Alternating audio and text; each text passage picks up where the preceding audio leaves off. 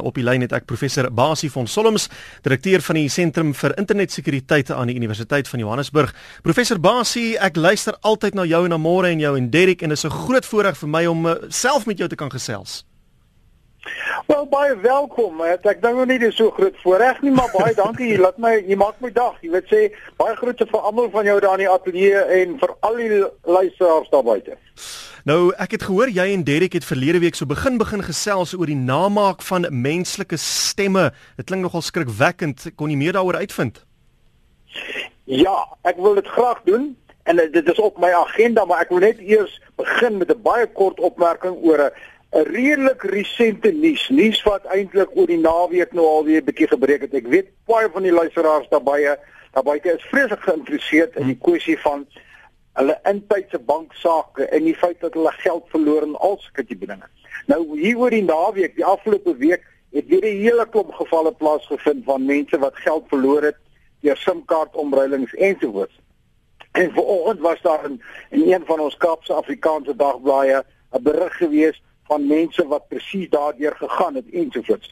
Ek het lank gesels vandag met die prokureur wat die saak hanteer. Gaan nie sy naam gee nie. Ek gaan nou net weer sê hoe om by hom uit te kom as jy sou wou.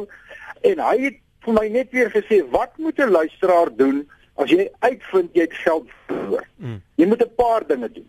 Jy moet natuurlik onmiddellik jou bank gaan in kennis stel. Tweedens moet jy onmiddellik die selfoonmaatskappy instel. Maar moenie net eenvoudig die bank bel, hulle rapporteringsentrum en 'n verwysingsnommer kry en nou sit jy terug nie. Hmm. Wees aggressief.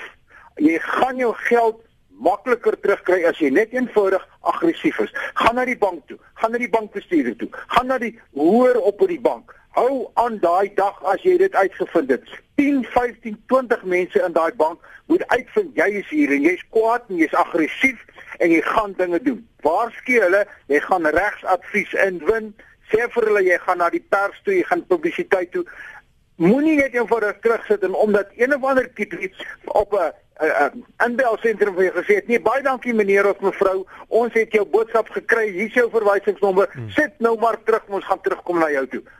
So gou as moontlik. Hy sê vir my hoe vinniger en hoe nuuter daai saak is, hoe beter is jou regsaspekte daarvan. As daar van die luisteraars is wat belangstel, hierdie saak is vinnig besig om momentum op te tel.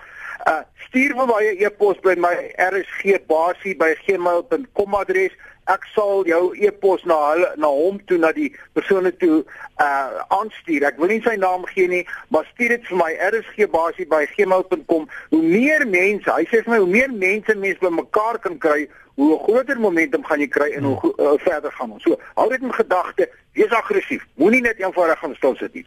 Terug te kom na jou saak toe van die menslike stem. Ek ja. het al daaroor gepraat verlede jaar. Dis die hele ontwikkeling van kunsmatige intelligensie. Toe het ek gesê dat daar 'n navorsingsprojek aan die gang wat waar jy met 'n minuut se opname, gewoon 'n opname op 'n selfoon of op 'n opnemer of wat ook al van 'n mens se stem, kan jy nou hierdie kunsmatige intelligensie algoritme kan nou hele toespraak nou maak. Met ander woorde die persoon wat daai minuut opname van jou stem kry, hy kan nou gaan sit en hy kan op hy kan hy kan 'n hele toespraak maak. En daai toespraak word dan omgeskakel na die rekenaar na, na die stem wat hy opgeneem het. Mm. So as ek wil as ek jou stem 'n minuut van jou stem kry, dan kan ek wat basies is 'n toespraak maak. Ek kan nie ek kan nie SAIK so sleg sê dat die seem nie kan afpas nie, afpas nie. Ek doen dit in jou stem en môreoggend saai ek hierdie ding uit oor die oor die radio wat ek al in nuus het Willem en hy sê hierdie vreeslike goed. So. Dis 'n ontstelling. Mm. Daar is definitief voordele in want nou kan jy jy kan ook klomp goed daarmee doen, maar dit is verskriklik ontstellend wat my betref. En hoekom ek dit nou weer noem is die produk begin nou al amper kommersieel beskikbaar word. Ja, verlede jaar was dit 'n navorsingsprojek. Mm. Nou kan jy al amper hierdie app, hierdie toepassing gaan gaan in die hande kry en jy kan dit begin doen. Dink net wat gaan gebeur nou met mense wat verklaringe maak jo. of verklaringe wat namens mense gemaak word. Mm. Ontstellend. En ehm um, die mense wat verantwoordelik is vir hierdie sogenaamde fake news, hulle kan seker nie wag om hulle hande daarop te kry nie. Jy slaan die spyker op die kop. Ek hoor as jy wat praat. Ek hoop as jy wat praat.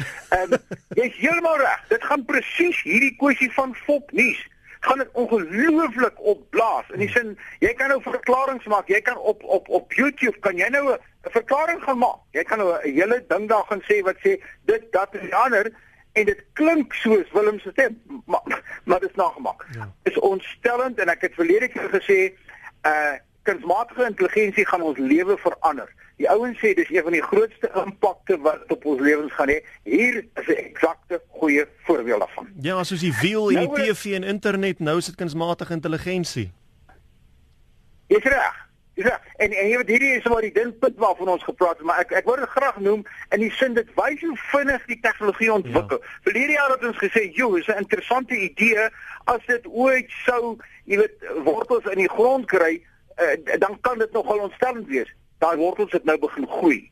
En en dink net wat kan gebeur en jy's reg met met persverklaringe met fopnuus met al sulke tipe dinge en wat my ontstel is onthou jou stem is een van jou biometriese indikators, soos jou vingerafdruk. In ander woorde, baie mense en baie maatskappye identifiseer jou as 'n kliënt deur jou stem.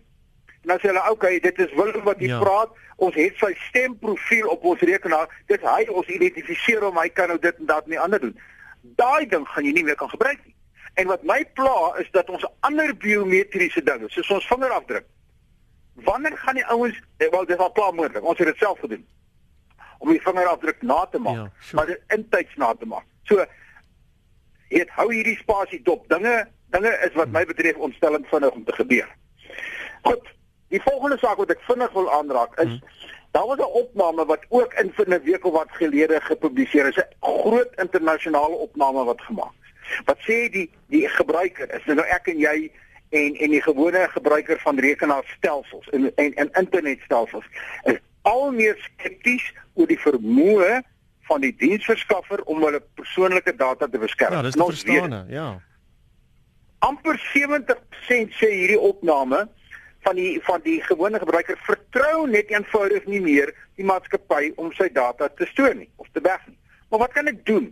Vat byvoorbeeld Google of Facebook. Mm. As ek deel van Facebook wil wees as ek dit wil gebruik, dan moet ek my data vir hulle gee en hulle stoor dit. En dis waar die probleem ontstaan. Nou hoe kom ek hierby aansluit? Is daar's 'n baie baie interessante navorsingsprojek wat wat aan die gang is. Nou praat ek weer oor 'n navorsingsprojek, maar, maar hierdie projek word gedryf deur 'n persoon met die naam van Tim Berners-Lee. Ja. Nou as jy net kan terugdrink en ek dink baie van die luisteraars kan terugdink, Tim Berners-Lee het 'n jaar wat gelede 'n sirskap gekry. Hy's nou Sir Tim Berners-Lee, want hy is die ou wat hier in die laat 90er jare werklik die internet soos ons hom vandag ken ontwikkel het. En Tim Sir Tim het gesê maar die internet het hand uitgeruk. Ek en jy as eindgebruiker het totaal beheer verloor oor ons eie persoonlike data. Soos wat hierdie opname nou wys, ja. waaroor ek net gepraat het.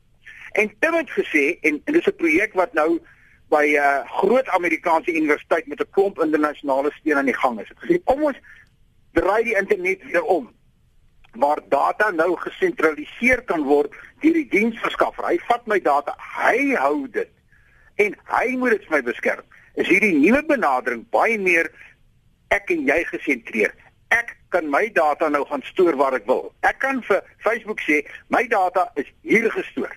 Jou toepassing moet vir my toestemming vra om my data te gebruik. Aan die ander wyse hierdie nuwe benadering tot die internet uh, skop weg van die standpunt af ek is in beheer van my eie data. Ja.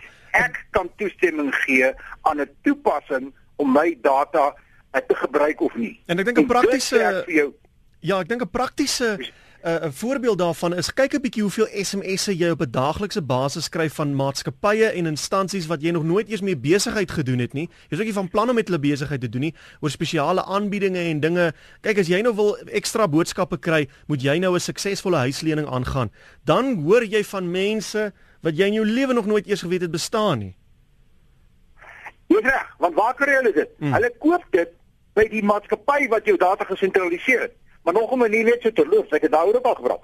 Ehm uh, nog 'n manier waar hulle jou data kry is, jy kry 'n e-pos van iemand wat sê, ehm um, jy het hierdie jy het hierdie prys gewen. En jy het al jy sê maar ek is nou nie, ek is nou nie 'n tipe nie, ek is nie onnoosel nie. En jy antwoord daai ou terug. En sê vir hom ek is nie stupid nie, ek is nie onnoosel nie. Ek weet jy is 'n rot, ek ry die rot. Hmm. Dan het hy jou adres. Hy het nooit geweet jou e-posadres is geldig nie ja. of is lewendig nie.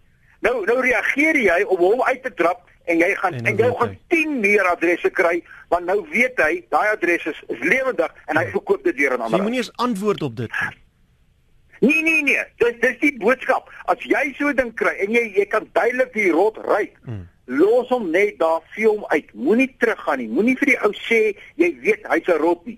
Want hy weet nie jy het sy boodskap gekry nie. Nou gaan sê jy vir hom jy het my boodskap gekry. So nou sê hy okay, daai ou is lewendig. Ek gaan nou daai adres nou weer verkoop. En nou soos jy nou net gesê het, nou gaan jy 10, 15, 20, 100 ander kry. Hmm. So hierdie hierdie nuwe benadering, ek hou verskriklik baie daarvan en ek hoop dit dit vorm want nou gaan ons terug want dit is eintlik waar die internet begin het. Die internet het begin by die idee dat ek die eienaar is van my data ja. en ek kan besluit waar ek dit wil gaan berg of gaan stoor en wie kan toestemming hê. Dit hoort. Groot spelers mm. het dit heeltemal verander. Ja, en dis dis hoe dit hoort. Dis hoe in elk geval dit moes gewees het en dit het net aan uitgegaan. Jy sien dis dis die regte ding, jy's reg. Jy's reg. Nou goed, eh uh, Basie, as uh, iemand jou dan in die hande wil kry, kan jy net asseblief jou e-posadres weer gee.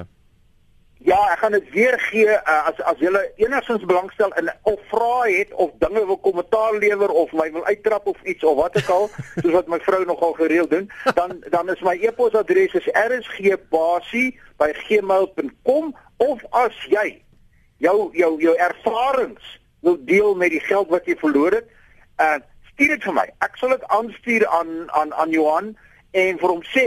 Hy weet nou daarvan hy en hy sê hoe meer hy kry hoe beter so. Maar moenie nou, ek dink jy as jy nou bietjie aan die lyn kom staan en jy sê hoe ek het 5 jaar gelede het ek 40000 rand ja, verloor. Ja, dit gaan nie werk. Dit amper jy weet dis so saai uh um forensiese data van van van 'n misdaadtoneel. As hy 5 jaar oud is dan dan al die leidrade is dan hier. Hmm. So so gou as moontlik wees aggressief, staan op jou regte Ek dink ons gaan in die volgende jare wat dramatiese verandering sien in terme van die verantwoordelikheid van finansiële instellings om my en jou data te beskerm en 'n en dienste verskaf en van die verandering benadering van die internet om meer beheer te kry oor my eie data.